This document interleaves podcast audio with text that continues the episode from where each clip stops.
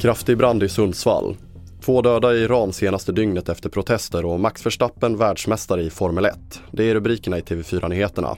Men vi börjar med att det brinner i ett flerfamiljshus i Sundsbruk i Sundsvall med kraftig rökutveckling. Det ska handla om 30-40 lägenheter och spridningen verkar ha skett via en balkong upp mot taket. Ett VMA har utfärdats och räddningsledaren uppmanar alla som berörs av röken att gå inomhus och stänga dörrar, fönster och ventilation. Lägenheten där branden eh, började, där fick vi ganska tidigt klart för oss att det inte skulle finnas någon, någon där inne och eh, jag har just nu heller inga uppgifter på att branden skulle ha spridit sig till någon annan lägenhet. Däremot Däremot så har vi ju då brandspridning eh, upp till eh, taket och vindskonstruktionen. Det sa Thomas Hansson, räddningstjänsten Västernorrland.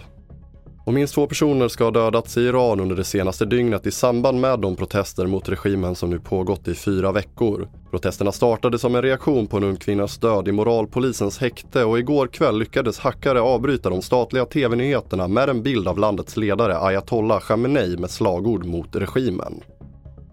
Och efter den senaste tidens dödsskjutningar så hålls i Södertälje idag en stor manifestation mot våldet. Så sent som i torsdags mördades en ung man, den tredje, som skjuts till döds där inom loppet av bara en vecka. Manifestationen hålls på Stora torget klockan 14 och arrangeras av kommunen tillsammans med kyrkor och föreningar. Jag vill gärna se att så många som möjligt, envar som eh, känner sig berörd på något sätt, och det är vi alla som Södertäljebor, att eh, visa sitt deltagande, komma, och eh, visa eh, att det här är inte en acceptabel utveckling.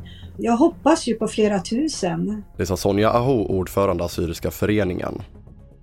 Och så avslutar vi i Japan där Max Verstappen är världsmästare i Formel 1 för andra året i rad och detta efter en stor förvirring på Suzuka-banan där loppet blev förkortat på grund av kraftigt regn vilket normalt ger mindre poäng till vinnaren.